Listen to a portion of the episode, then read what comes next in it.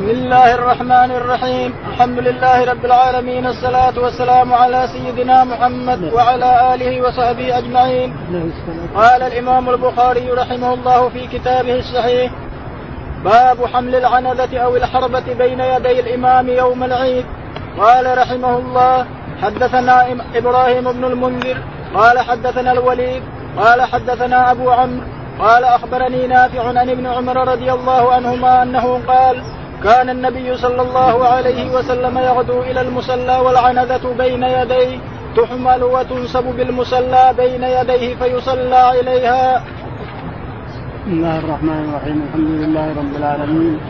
صلى الله على نبينا محمد وعلى آله وصحبه أجمعين. يقول الإمام الحافظ أبو عبد الله البخاري رحمه الله في صحيحه باب حمل العنزة أو باب حمل العنزة العنزة لصلاة العيد يعني إنها تركز والعنزة والرمح كله واحد. يعني عود عود في رأسه دبوس مثل الدبوس. حديده تضرب في الأرض ثم توقف. حتى يصلي إليها الإنسان وهي واقفة. عنزة أو رمح أو كل سوى سماها اللي تبي كلها سواء يقول رحمه الله حدثنا إبراهيم بن المنذر. إبراهيم بن المنذر. قال حدثنا الوليد. الوليد بن مسلم. قال حدثنا أبو عمرو. أبو عمرو عبد الله بن عامر. قال حدثنا نافع. نافع عن ابن, عن ابن عمر رضي الله تعالى عنه أن النبي عليه الصلاة والسلام خرج إلى مصلى العيد فأوكز له عنز ركز له بلال عنزه يصلي إليها في مسجد العيد. نعم. باب خروج النساء والحيض والحيض إلى المصلى. قال رحمه الله حدثنا عبد الله بن عبد, عبد الله بن عبد الوهاب قال حدثنا حماد عن أيوب عن محمد عن أم عطية قالت أمرنا أن نخرج العواتق ذات الخدور وعن أيوب عن حفصه بنحوه وزاد في حديث حفصة قال أو قالت العواتق وذوات الخدور ويعتزلن الحيض المصلى. يقول البخاري رحمه الله باب خروج النساء والحيض باب خروج النساء والحيض والعواتق وذوات الخدور إلى المصلى ليحضرن دعوة المسلمين. يحضرن الخير ودعوة المسلمين لأن العيد مجتمع مجتمع يمثل للناس يوم القيامة. مجتمع يجتمع فيه النساء والرجال حتى الحيض حتى العواتق التي توها ما بلغت وحتى المخدرات وحتى كلها تخرج إلى مصلى العيد لأنه صحراء بعيد عن المدينة وصحراء كذلك الناس اليوم إذا كانت القرية عندها صحراء وتريد أن تصلي العيد تخرج النساء والحيض والعواتق والعالم يخطبهم الإمام يخطبهم الإمام اولا يصلي الإمام ثم يخطب. فإذا خطب خطب النساء أيضا كما قال عطاء بن أبي رباح وما لهم لا يفعلون. هذا فعل الرسول عليه الصلاة والسلام. خطب الرجال ثم ذهب إلى النساء فوعظهم وخطبهن. وما لهم لا يفعلون. أئمة اليوم إذا صلى العيد وكان مصلى العيد فإنه أول يخطب الرجال وإذا انتهى من الرجال ذهب إلى النساء معه شخص ثم وعظ النساء وعظ النساء وذكرهن وأمرهن بالصدقة إلى آخره. فالشاهد أن الرجال والنساء سواء وأنها تحضر كل مخدرة وكل حائض. يقول رحمه الله حدثنا عبد الله بن عبد الوهاب. عبد الله بن عبد الوهاب قال حدثنا حماد حماد قال حدثنا أيوب. أيوب السختياني قال عن محمد. عن محمد بن سيرين قال عن أم عطية. عن أم عطية نسيب بنت كعب الأنصاري رضي الله عنها قالت أمرنا أن نخرج العواتق ذات الخدود قالت أمرنا أن نخرج العواتق والمخدرات وذوات الخدور والحيض أيضا إلى المساء إلى مصلى العيد يحضرن الخير ودعوة المسلمين. هذه نسيبه بنت كعب الأسلمية رضي الله عنها وعندنا نسيبه بنت كعب الأنصارية الحديث لغيرها أم كعب نسيبه بنت كعب الأنصارية الأسلمية. هذه اللي تحكي عن الرسول عليه الصلاة والسلام وعن أيام العيد وأن الرسول أمر بخروج المخدرات والمخدرات التي يخدرن في البيوت وأمر بخروج العواتق التي توها ما بلغت وأمر بإخراج الحيض. الحيض اعتزلن المصلى قليلا هناك ثم النساء من دون ثم الرجال من دون عند الإمام ويخطب ويركز عنز ان شاء يقول عطاء بن أبي رباح وما لهم لا يفعلون. ليش إذا كان هناك قرية أو مدينة لها مصلى عيد برا في الصحراء تخرج الحيض وتخرج العاتق وتخرج النساء المخدرات في بيوتهن وتخرج كذا ويخرج هنا يخرجون جميعا. نساء ورجال يحضرون الخير ودعوة المسلمين. يخطب الرجال ثم إن كان النساء بعيد يخطب يروح للنساء ويخطبهن أيضا إلى آخره. نعم. وعن أيوب عن حفصة بنحوه وعن أيوب السختياني عن حفصة بنحوه عن حفصة بن سيرين نحوه. نعم. وزاد في حديث حفصة قال أو قالت العواتق وذوات الخدور ويعتقد زاد في حديثها العواتق أو قالت المخدرات بالبيوت وذوات الخدور يعني المخدرات لأن كانت عادة العرب أن البنت إذا بلغت 13 سنه أو 14 سنة يخلونها تلعب في الشارع. 13 سنة و14 سنة تلعب في الشارع بشعرها. تنفش شعرها ثم تلعب في الشارع مع أخواتها البنات. فإذا تعدت الرابعة عشر أو الخمسة عشر خدروها خلاص ما عاد شاب. لأنها خلاص انتهت وصلت إلى العرس تخطب وتعرس بعد الخمسة عشر تعرس تخطب وتعرس لكن 13 و12 و13 يتركونها تلعب في الشارع هي وزميلاتها التي على قدها. فهؤلاء يخرجن إلى المصلى ويحضرن الخير ودعوة المسلمين كما قالت نسيبة عن حفصة بن سيرين عن نسيبة. نعم. باب خروج الصبيان إلى المصلى. قال رحمه الله حدثنا عمرو بن عباس قال حدثنا عبد الرحمن قال حدثنا سفيان عن عبد الرحمن قال سمعت ابن عباس رضي الله عنهما قال خرجت مع النبي صلى الله عليه وسلم يوم فطر أو أضحى فصلى العيد ثم خطب ثم أتى النساء فوعدهن وذكرهن وأمرهن بالصدقة. يقول البخاري رحمه الله باب خروج الصبيان إلى المصلى خروج خروج الصبيان إلى المصلى أيضا حتى الصبيان والبنات وغيرها من الصغار والكبار يخرجون إلى مصلى العيد يحضرون الخير ودعوة المسلمين.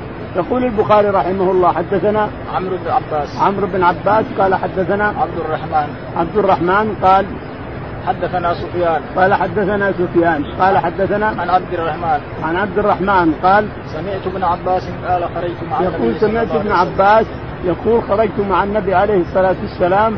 يقول لولا مكانتي ما خرجت يعني إنه صغير مرة لكن مكانته من الرسول خرج كما سيأتي. يقول فخرج مع الرسول عليه الصلاة والسلام وصلى العيد عليه الصلاة والسلام ثم لما انتهى خطب الناس ثم بعد ذلك ذهب إلى النساء فوعظهن وخطبهن وذكرهن إلى آخره. يقول وكان الناس كلهم كانهم في محشر في في صحراء كانهم في محشر الرجال والنساء نعم. باب استقبال الإمام الناس في خطبة العيد. قال أبو سعيد قام النبي صلى الله عليه وسلم مقابل الناس. قال رحمه الله حدثنا أبو نعيم قال حدثنا محمد بن طلحة عن زبيد عن الشعبي عن البراء رضي الله عنه قال خرج النبي صلى الله عليه وسلم يوم أضحى فصلى العيد ركعتين ثم أقبل علينا بوجهه وقال إن أول نسكنا في يومنا هذا أن نبدأ بالصلاة ثم نرجع فننحر. فمن فعل ذلك فقد وافق سنتنا ومن ذبح قبل ذلك فإنما هو شيء عجله لأهله ليس من النسك في شيء. فقام رجل فقال يا رسول الله إني إني ذبحت وعندي جذعة خير من مسنة. قال اذبحها ولا تفي عن أحد بعدك. يقول البخاري رحمه الله مكررا ما سبق في ليلة الماضية في قصة هانئ بن نيار أبو بردة. يقول رحمه الله حدثنا باب استقبال الإمام الناس باب استقبال الإمام الناس في الخطبة. إذا صلى يستقبل الناس في الخطبة على الأرض يقف على الأرض ويستقبلهم ويتكلم بالخطبة. الرجال أولا ثم النساء بعد ذلك إلى آخره. يقول رحمه الله حدثنا أبو نعيم. أبو نعيم. قال حدثنا محمد بن طلحة. محمد بن طلحة قال عن زبيد عن الشعبي. عن زبيد اليامي عن الشعبي عامر قال عن البراء.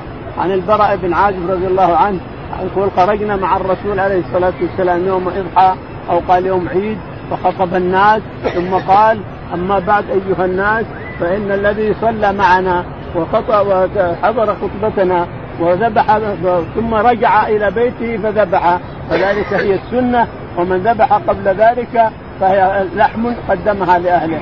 فقام أبو نيار هاني خال البراء بن عازب قال يا رسول الله إني ذبحت مسنة لأن الناس في حاجة للحم وتعجلت اللحم أنا وأهلي وغيري وجيراننا ولكن عندي أحسن منها جذعه أحسن منها وأفضل.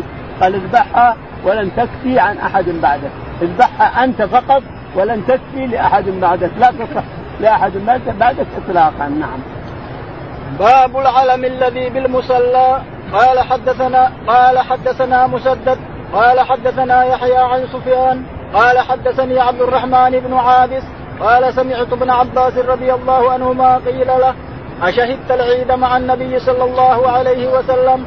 قال نعم ولولا مكاني من الصغر ما شهدته خرج حتى أتى العلم الذي عند دار كثير بن الصلب فصلى ثم خطب ثم أتى النساء ومعه بلال فوعدهن وذكرهن وأمرهن بالصدقة فرأيتهن يهوين بأيديهن يقذفنه في ثوب بلال ثم انطلق هو وبلال إلى بيته. يقول البخاري رحمه الله حدثنا باب العلم الذي بالمصلى. باب العلم الذي وضعه كثير بن الصلب في المصلى صلى العيد. يصلون إليه الناس في أيام الرسول عليه الصلاة والسلام وأيام ابو بكر وعمر.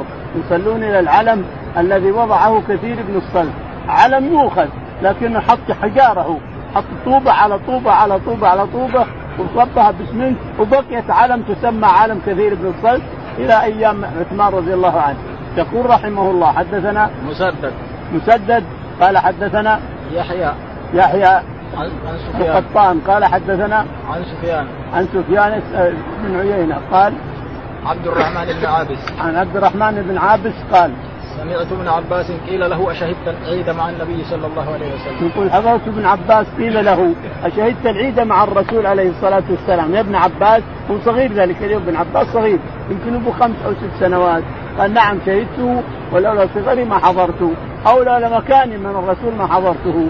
يقول ابن عباس أن الرسول عليه الصلاة والسلام ركز له عنزة وصلى ثم خطب الرجال ثم لما انتهى ذهب إلى النساء فخطب النساء ووضعهن وذكرهن فصار وبلال معه فصارت المرأة تلقي بختمها وفتختها وقلادتها وخرصها إلى آخره كما مرنا في الليلة الماضية أنه تصدقنا صدقنا بالفتخة الفتخة الخاتم اللي بالخنصر واللي هنا والقلادة والخرص والشوار كل هذا لقد تصدق به المرأة ترميه بشرشف بلال غالبه من الذهب الأحمر.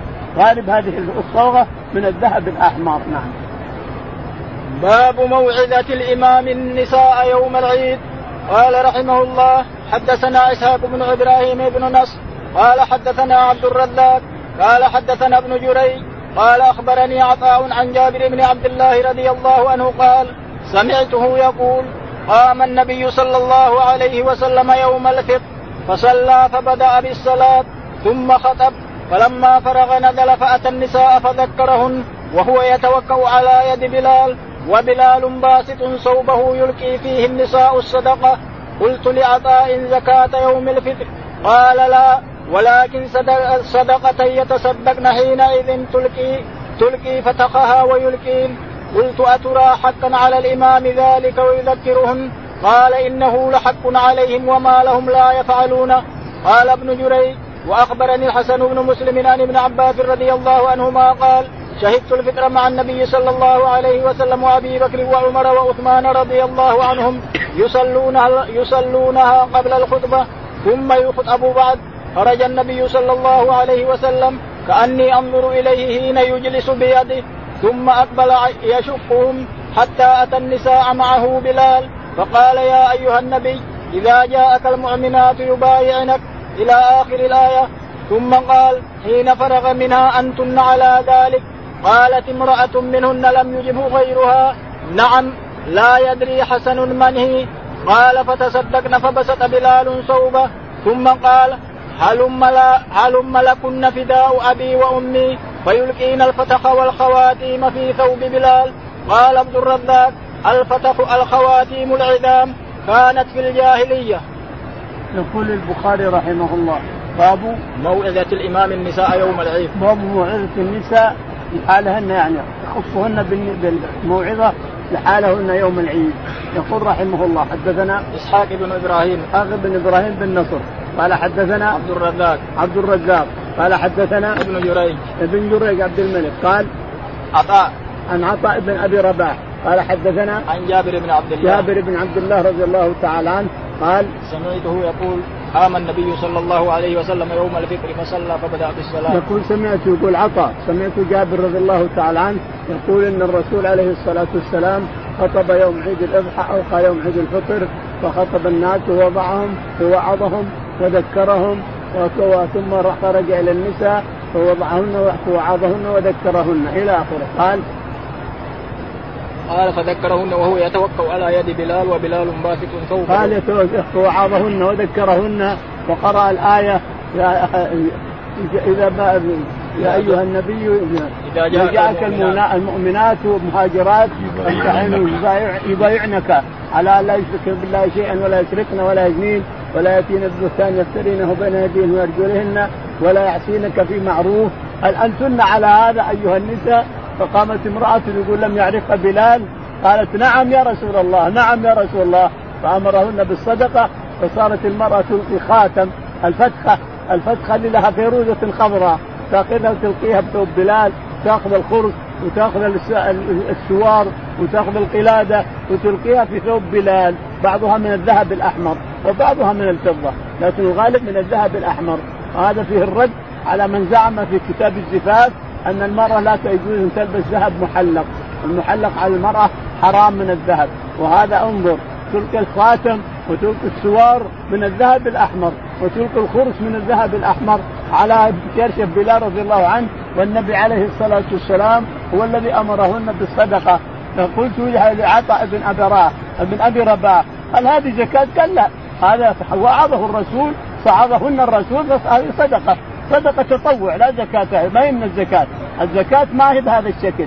الزكاة ما يجوز تخرج تخرج من الخاتم موصوغ ولا السوار المصوغ الزكاة تخرج نقد أما ذهب ولا فضة؟ أما شيء مصوغ ما تخرج ما ما يخرج منه الزكاة. الزكاة لازم ما تخرج إلا من الفضة أو الذهب النقدين. هذه تخرج الزكاة من هذا. أما المصوغ الشيء اللي صاغه الصائغ من فتخه أو من خاتم أو من سوار أو من شيء هذا ما تخرج ما يخرج زكاة. ما يخرج ولا يجزي. لو تخرجه المرأة زكاة ما يجزي. زكاة الفطر آه، زكاة زكاة الذهب والفضة لابد من من الذهب من النقدين من الذهب أو الفضة. على أن الحلي لا زكاة فيه باجماع علماء الإسلام إلا من قل منهم أو شذ. ولا لا زكاة فيه. الحلي حلي المرأة اللي تلبسه المرأة لها وتزين به. حتى لو زاد حتى لو صار مليون. فإنه لا زكاة فيه. ما دام تستعمله لها أو لعيالها أو لبناتها في أيام الزفاف فلا زكاة فيه. نعم. يقول خرج النبي صلى الله عليه وسلم كأني أنظر إليه حين يجلس بيده ثم أقبل يشقه. يقول خرج الرسول عليه الصلاة والسلام ثم خطب ثم صلى ثم خطب ثم ذهب يعظ النساء بعد مواضع الرجال. نعم. باب إذا لم يكن لحاجل باب في العيد. قال رحمه الله حدثنا أبو معمر قال حدثنا عبد الوارث قال حدثنا أيوب عن حفصة عن حفصة بنت سيرين قالت كنا نمنع جوارينا أن يخرجن يوم العيد فجاءت امرأة فنزلت قصر بني خلف فأتيتها فحدثت فأتيتها فحدثت أن زوج أختها غزا مع النبي صلى الله عليه وسلم سنتي عشرة غزوة فكانت أختها معه في ست غزوات فقالت فكنا نقوم على المرضى ونداوي الكلمة فقالت يا رسول الله ألا إحدانا بعث إذا لم يكن لها جلباب ألا تخرج ألا تخرج؟ فقال لتلبسها صاحبتها من جلبابها فليشهدن الخير ودعوة المؤمنين. قالت حفصة فلما قدمت عدية أتيتها فسألتها أسمعت في كذا؟ قالت نعم بأبي. وكلما ذكرت النبي صلى الله عليه وسلم إلا قالت بأبي. قال لتخرج العواتق ذوات الخدور. أو قال العواتق وذوات الخدور. شك أيوب والحيد ويعتزل الحيد المسلى وليشهدن الخير ودعوة المؤمنين. قالت فقلت لها آه الحيد قالت نعم أليس الحائض تشهد عرفات؟ وتشهد كذا وتشهد كذا. يقول البخاري رحمه الله باب إذا لم يكن لحاجة الباب في إذا لكل إذا لم يكن للمرأة جلباب الجلباب الشرشف تضعه على رأسها ثم تغطي صدرها الوجه مكشوف لكن تضع الشرشف على رأسها ثم تأتي باطرافه هنا ثم تسترق نفسها كذا. شرشف كبير مثل اللي يلبس النساء بعض النساء الإيرانيات اليوم تلبس على رأسها ثم تدنيها على رقبتها ثم تصلي فهو وسيع. لو أراد أن تضم واحدة المرأة من هنا وتضم واحدة من هنا كبير الشرشف كبير وعريض. الشاهد يقول البخاري رحمه الله حدثنا أبو معمر. أبو معمر. قال حدثنا عبد الوارث. عبد الوارث. قال حدثنا أيوب عن حفصة. قال حدثنا أيوب عن حفصة بن سيرين عن قالت كنا نمنع جوارينا أن يخرجن يوم العيد. قالت كنا نمنع الجواري يعني البنات الصغار والبنات المماليك نمنع الجواري أن يخرجن أيام العيد.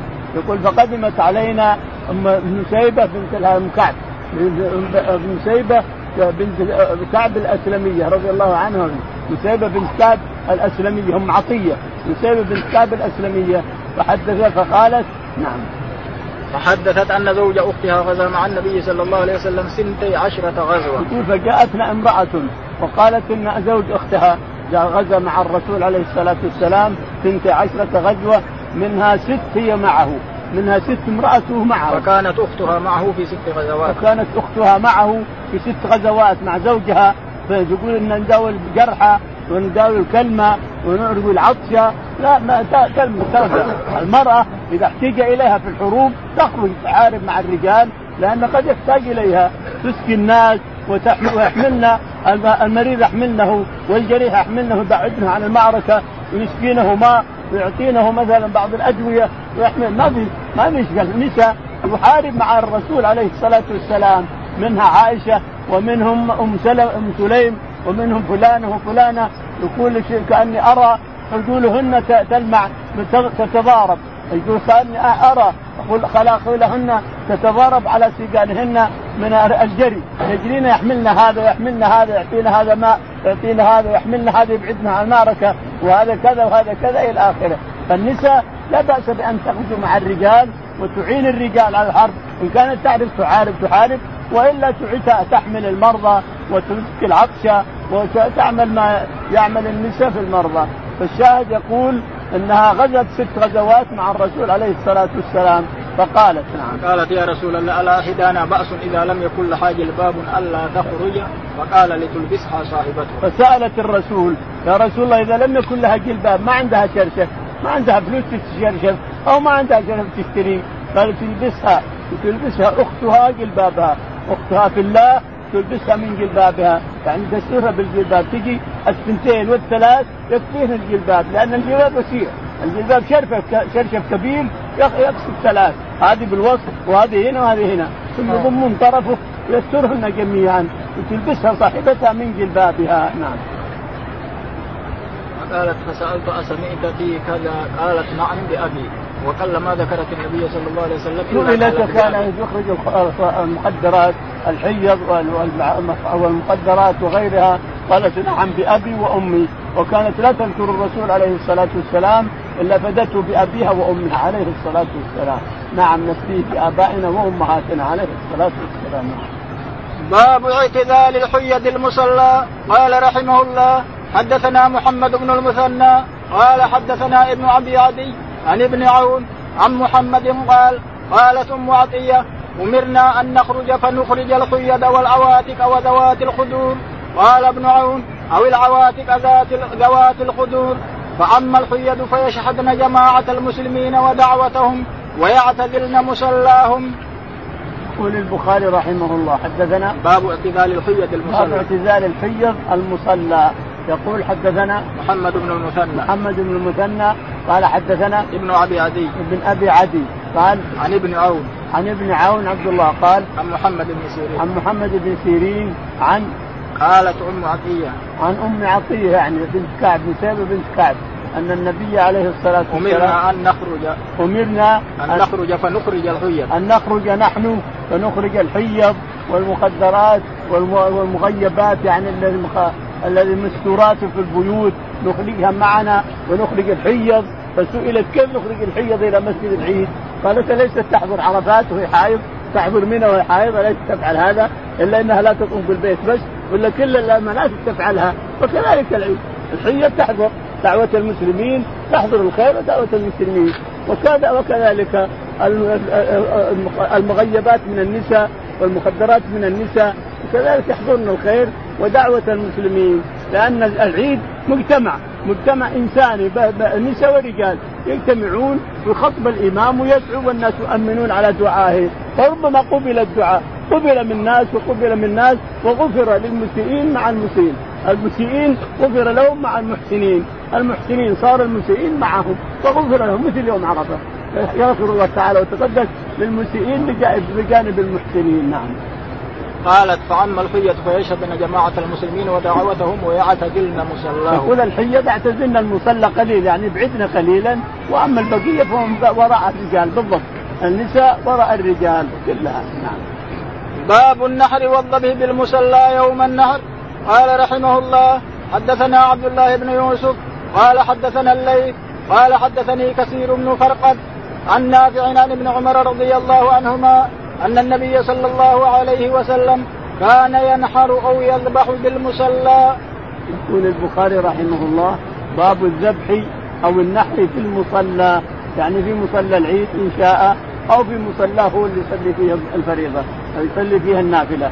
يقول حدثنا عبد الله بن يوسف. عبد الله بن يوسف التنيسي قال حدثنا الليث. الليث بن سعد. قال حدثنا كثير بن فرقد. كثير بن فرقد. قال عن نافع عن ابن عمر. عن نافع عن ابن عمر أن النبي عليه الصلاة والسلام كان ينحر أو يذبح يعني أضاحيه يذبح أضاحيه عليه الصلاة والسلام في المصلى اللي يصلي فيه من بيته. يعني حوش في بيته يذبح فيه. أو أنه يخرجها للمصلى يذبحها في مصلى العيد جائز هذا. يذبح في الذبيحة أو ينحر الإبل. إذا كان يريد أن ينحر إبل نحرها في المصلى. انحرها واقفة معقولة اليد اليسرى. اليد اليسرى معقولة.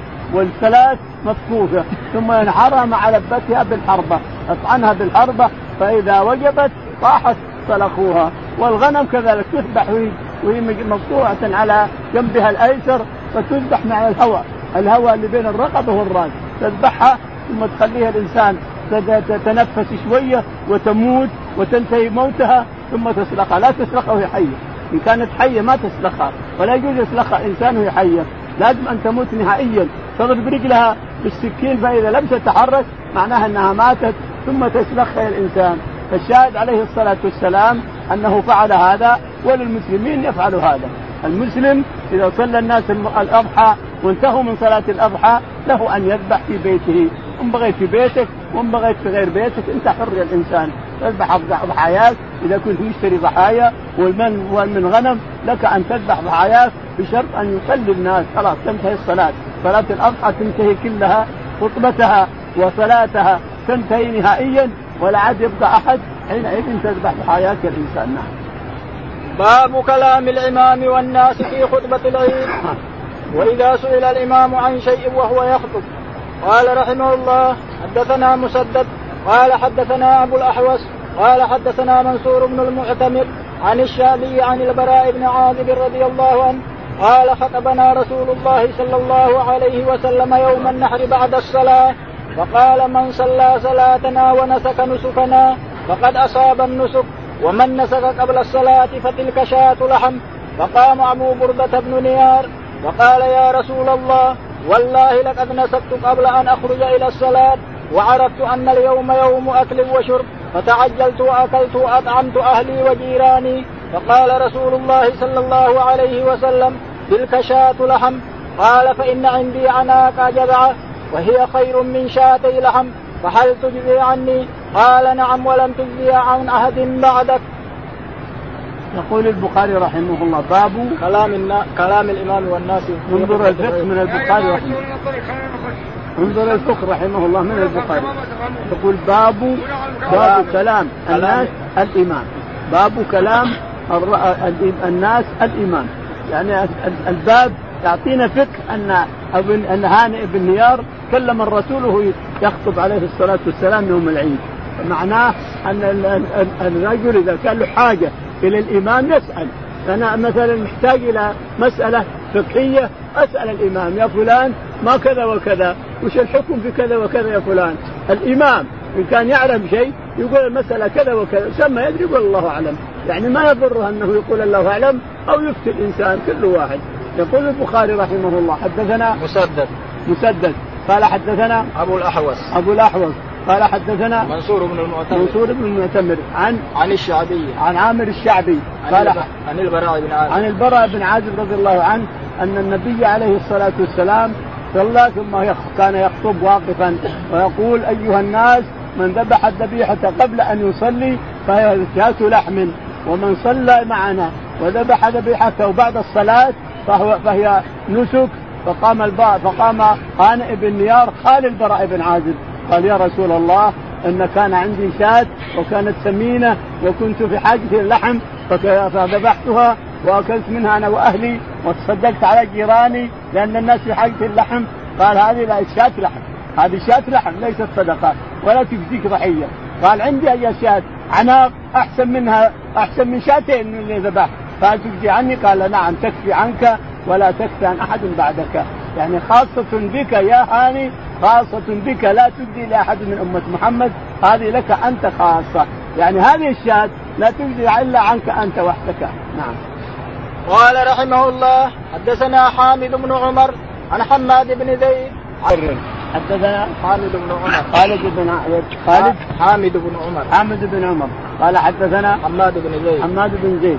قال حدثنا أيوب. أيوب الاستختياني قال حدثنا محمد بن سيرين. محمد بن سيرين قال أن أنس بن مالك قال أن أنس بن مالك قال أن أنس بن مالك رضي الله عنه قال إن نعم. إن رسول الله صلى الله عليه وسلم صلى يوم النحر ثم خطب فأمر من ذبح. يقول أنس بن مالك رضي الله عنه أن النبي عليه الصلاة والسلام خطب يوم النحر ثم صلى صلى ثم خطب عليه الصلاة والسلام ثم بعد ذلك وعظ الناس فقال أيها الناس من ذبح ذبيحته من ذبح من صلى معنا وذبح ذبيحة بعد الصلاة فهي نسك مقبولة. ومن ذبح قبل الصلاة فهي لحم.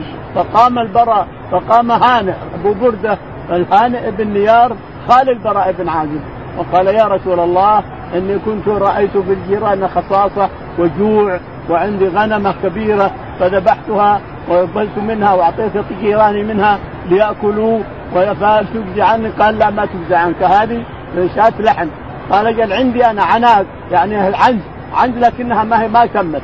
العنز إذا ما تمت سنة ما تجزي. هل تجزي عني؟ أم ستة شهور. عنز لها ستة أو سبعة شهور أو ثمانية شهور. قال تجزي عني؟ قال تجزي ولا تجزي عنك أنت ولا تجزي عن أحد بعدك. العناق هذه التي ما تمت سنة ما تجزي عن أحد بعدك. نعم. قال رحمه الله حدثنا مسلم قال حدثنا شعبة عن الأسود عن جندب رضي الله عنه قال صلى النبي صلى الله عليه وسلم يوم النحر ثم خطب ثم ذبح فقال من ذبح قبل أن يصلي فليذبح أخرى مكانها ومن لم يذبح فليذبح بسم الله. يقول البخاري حدثنا مسلم. مسلم قال حدثنا شعبة. حدثنا شعبة. قال عن الأسود. عن الأسود بن يزيد. قال عن جندب رضي الله عن جندب. قال صلى النبي صلى الله عليه وسلم يوم النهر ثم خطب ثم ذبح. صلى النبي عليه الصلاة والسلام ثم خطب ثم ذبح. وقال أيها الناس قال من ذبح قبل أن يصلي فليذبح مكانها قال من ذبح قبل أن يصلي فليذبح مكانها أخرى. ومن ذبح بعد الصلاة فإنها تجزي إن شاء الله. فقام هانئ بن نيار قال يا رسول الله إني ذبحت قبل أن أصلي. قال هذه تلك لحم. قال عندي عناق هل تجزيني؟ قال نعم ولا تجزي عن أحد بعدك نعم. باب من خالف الطريق إذا رجع يوم العيد. قال رحمه الله حدثنا محمد. قال أخبرنا عبو تميلة يحيى بن واضح عن فليه بن سليمان عن سعيد بن الحارث عن جابر رضي الله عنه قال كان النبي صلى الله عليه وسلم إذا كان يوم عيد خالف الطريق تابعه يونس بن محمد عن فليه عن أبي هريرة وحديث جابر أصح. يقول البخاري رحمه الله باب مخالفة الطريق إذا ذهبت إلى العيد الإنسان أو الحرم الآن جئت من بيتك الإنسان تأتي من الشارع هذا ثم تطلع من الشارع الثاني هناك، ليش؟ لأجل هذا يشهد لك وهذا يشهد لك، فمخالفة الطريق من السنة إلى يوم القيامة، سنة أن تخالف الشارع الإنسان، تأتي من الشارع هذا إلى الحرم ثم تأتي من تطلع من الشارع الثاني من الحرم ليشهد لك الشارع هذا ويشهد لك الشارع هذا. وتصلي عليك ملائكة الشارع هذا وتصلي عليك ملائكة الشارع هذا. هذا كيوم العيد. يقول رحمه الله حدثنا محمد. محمد. قال حدثنا أبو تميلة. أبو تميلة. قال فليح بن سليمان. فليح بن سليمان. قال عن سعيد بن الحارث. عن سعيد بن الحارث. قال عن جابر رضي الله عنه. عن جابر بن عبد الله رضي الله عنه أن النبي عليه الصلاة والسلام نعم. إذا كان يوم عيد خالف الطريق. إذا كان يوم عيد خالف الطريق يعني يخرج من طريق ويدخل من طريق آخر. يخرج من هذا الطريق ويدخل من الطريق الثاني. ليشهد له الشارع هذا والشارع هذا. وتصلي الملائكة هنا وتصلي عليها الملائكة الثانية نعم. تابعه يونس بن محمد عن فليح عن أبي هريرة. يقول البخاري تابعه يونس بن محمد عن فليح يعني أبو تميله تابعه يونس بن محمد نعم. باب إذا فاته العيد يصلي ركعتين وكذلك النساء ومن كان في البيوت والقرى لقول النبي صلى الله عليه وسلم هذا عيدنا أهل الإسلام وأمر أنس بن مالك مولاهم ابن أبي عتبة بالزاوية فجمع أهله وبنيه وصلى كصلاة أهل المصر وتكبيرهم وقال إكرمة أهل السواد يجتمعون في العيد يصلون ركعتين كما يصنع الإمام وقال عطاء إذا فاته العيد صلى ركعتين. يقول البخاري رحمه الله باب فوات العيد. إذا فاته العيد يصلي ركعتين. إذا فاته العيد يصلي ركعتين. يعني خرج يريد العيد لكن صلى والناس انتهوا مقابلين وجايين يصلي ركعتين. وكذلك النساء وكذلك النساء إذا فاتها وأهل القرى وإذا كان عندك جماعة يا الإنسان يوم العيد في بيتك ضيوف واجتمعوا وسمعت العيد إنه فاتك صلي العيد بهم أنت يا الإنسان إذا كانوا كما كثير. إذا كانوا مجموعة كثيرة تصلي العيد بهم كما كصفة صلاة العيد. لكن هذا ما يعرف اليوم. هذا العمل ما يعرف أني أصلي العيد في بيتي أنا. أنا وضيوفي نصلي العيد ونخطب ونصلي ما يعرف هذا اليوم. نعم. لقول النبي صلى الله عليه وسلم هذا عيدنا أهل الإسلام. لقول النبي عليه الصلاة والسلام هذا عيدنا أهل الإسلام. يعني هذا اليوم عيدنا أهل الإسلام. ما للإسلام إلا عيدين. الإسلام ما لهم إلا عيدين عيد الأضحى وعيد الفطر وغيره ما في. ما في أعياد الجاهلية كثير. لكن الإسلام ما في إلا عيد الأضحى وعيد الفطر بس هذه عودنا نعم. وأمر أنس بن مالك مولاهم ابن أبي عتبه بالزاوية فجمع أهله وبنيه وصلى كصلاة أهل المسجد أمر أنس بن مالك مولاه بالزاوية بالزاوية في العراق. يقول أمرهم وجمع الناس وصلى بهم صلاة العيد. يعني يوم رأوا أن الإمام خرج من الصلاة صلوا هم العيد. نعم. وقال عكرمة أهل السواد يجتمعون في العيد يصلون ركعتين كما وقال عكرمة أهل السواد يعني سواد العراق اللي بعيد منه أو اللي سواد القرية من اللي من وراها ساكنين من وراها أو خيام أو بوادي من وراها يجتمعون مع أهل القرية ويصلون العيد سوا جميعا نعم. قال رحمه الله حدثنا يحيى بن بكير قال حدثنا الليث عن قيل عن ابن شهاب عن عن عروة بن الزبير رضي الله عنه عن عائشة رضي الله عنها أن أبا بكر دخل عليها وعندها جاريتان في أيام منى تدففان وتضربان والنبي صلى الله عليه وسلم متغش بثوبه فانتحرهما أبو بكر فكشف النبي صلى الله عليه وسلم عن وجهه وقال دعهما يا أبا بكر فإنهما أيام فإنها أيام عيد وتلك الأيام أيام منى. وقالت عائشة رضي الله عنها رأيت النبي صلى الله عليه وسلم يسترني وأنا أنظر إلى الحبشة وهم يلعبون في المسجد فزجرهم فقال النبي صلى الله عليه وسلم دعهم أمنا بني أرفدة يعني من الأمن. يقول البخاري رحمه الله حدثنا يحيى بن بكير. يحيى بن بكير قال حدثنا الليث. الليث بن سعد قال عن عقيل عن ابن شهاب. عن عقيل عن ابن شهاب عن عن عروة بن الزبير. عن عروة بن الزبير عن عائشة رضي الله تعالى عنها أنها كانت أيام منى يعني في المدينة ما حجوا. الرسول ما حج إلا حجة واحدة بس. لكن أيام منى معروفة عندهم. يعني لها أيام الأضحى وأيام ثلاث أيام التشريق الذي بعد عرفات. هذا كلها في في منى في في مكة في في المدينة. لكن تقول أيام التشريق لأنهم في المدينة وأيام التشريق يعرفونها الناس. تقول فحنا في أيام عيد وعندي جاريتين تغنيان فيما حصلت بعاد كما مرنا في الليلة الماضية. يقول دخل أبو بكر فنهرهن فقال الرسول عليه الصلاة والسلام دعها دعهما فإنها أيام عيد وهذا أيام عيدنا. عائشة تقول الناس في منى الناس الحجاج في منى هم بالمدينة. لكن أيام التشريك معروفة معدودة. فالشاهد أنه تغني في أيام من أيام التشريق يغنين في المدينة في بيت عائشة رضي الله عنها. يقول وكانت تنظر إلى الحبشة يلعبون فنهرهم واحد ما ادري أبو بكر أو غيره. فقال امنا بني أرفدة امنا بني أرفدة عن الحبشة رضي الله عنه. العبوا ما عليكم من أحد. نعم. باب الصلاة قبل العيد وبعدها. وقال أبو المعلى سمعت سعيدا عن ابن عباس رضي الله عنهما كره الصلاة قبل العيد. قال رحمه الله حدثنا أبو الوليد قال حدثنا شعبة قال حدثني عدي بن ثابت قال سمعت سعيد بن جبير عن ابن عباس رضي الله عنهما أن النبي صلى الله عليه وسلم خرج يوم الفطر فصلى ركعتين لم يصلي قبلها ولا بعدها ومعه بلال. يقول البخاري رحمه الله باب باب الصلاة قبل العيد وبعدها. الصلاة قبل العيد يعني لا صلاة قبل العيد ولا صلاة بعد العيد إنما هي صلاة العيد فقط ركعتين تصليها فقط. يقول البخاري وقال أبو المعلى سمعت سعيدا عن ابن عباس كره الصلاة قبل العيد. يقول ابو المعلى سمعت سعيدا عن ابن عباس يقول إنه كره الصلاة قبل العيد وبعدها. لأن الصلاة بمسجد العيد ما يسمى مسجد وليس له تحية ولا يجوز ولا يجوز الاعتكاف فيه ولا يجوز لبس الحائض فيه. معناه ما هو صلاة ما هو مصلى لكنه سمي مسجدا أو سمي مصلى لأن الناس يصلون فيه العيد. ولا ليس هو مصلى كما ينبغي ولا مسجد كما ينبغي فليس له تحية. فالشاهد أنه ما يصلى قبل العيد ولا بعدها. فالرسول ما صلى قبل العيد ولا بعدها عليه الصلاة والسلام إنما خرج إلى المصلى ثم صلى ثم خطب ولا صلى لا قبلها ولا بعدها. يقول ابن عباس كانوا يكرهون الصلاة قبلها وبعدها العيد. ما يحتاج تصلي تقول أنا تتعمق وتتكلف. تقول بصلي أنا هذا مسجد. يصلي الناس وأنا بصلي ركعتين ما دام طلعت الشمس قبل صلاة نقول لك لا ممنوع. الصلاة قبل العيد ممنوع وبعد العيد ممنوع. لا تصلي شيء تصير مبتدع. من عمل عملا ليس عليه أمرنا فهو رد.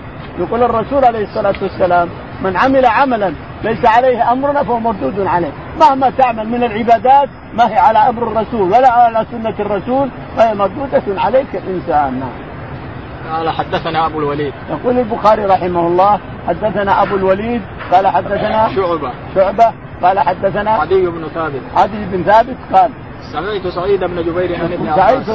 سمعت سمعت سعيد عن ابن عباس عن ابن عباس سعيد بن جبير عن ابن عباس رضي الله عنهما يقول نعم. أن النبي صلى الله عليه وسلم خرج يوم الفطر فصلى ركعتين لم يصلي قبلها ولا بعدها يقول ابن عباس رضي الله تعالى عنهما أن النبي عليه الصلاة والسلام خرج يوم الفطر إلى المصلى وصلى ركعتين فلم يصلي قبلها ولا صلى بعدها. يعني ليس لها صلاة لا قبل ولا بعد. وكذلك الجمعة ليس لها صلاة معينة لكن تصلي ما تشاء الإنسان. إذا دخلت المسجد لك أن تصلي ما تشاء ولا ليس لها صلاة مفروضة مثل الظهر ومثل المغرب ومثل العشاء ومثل الفجر ما لها شيء. نعم.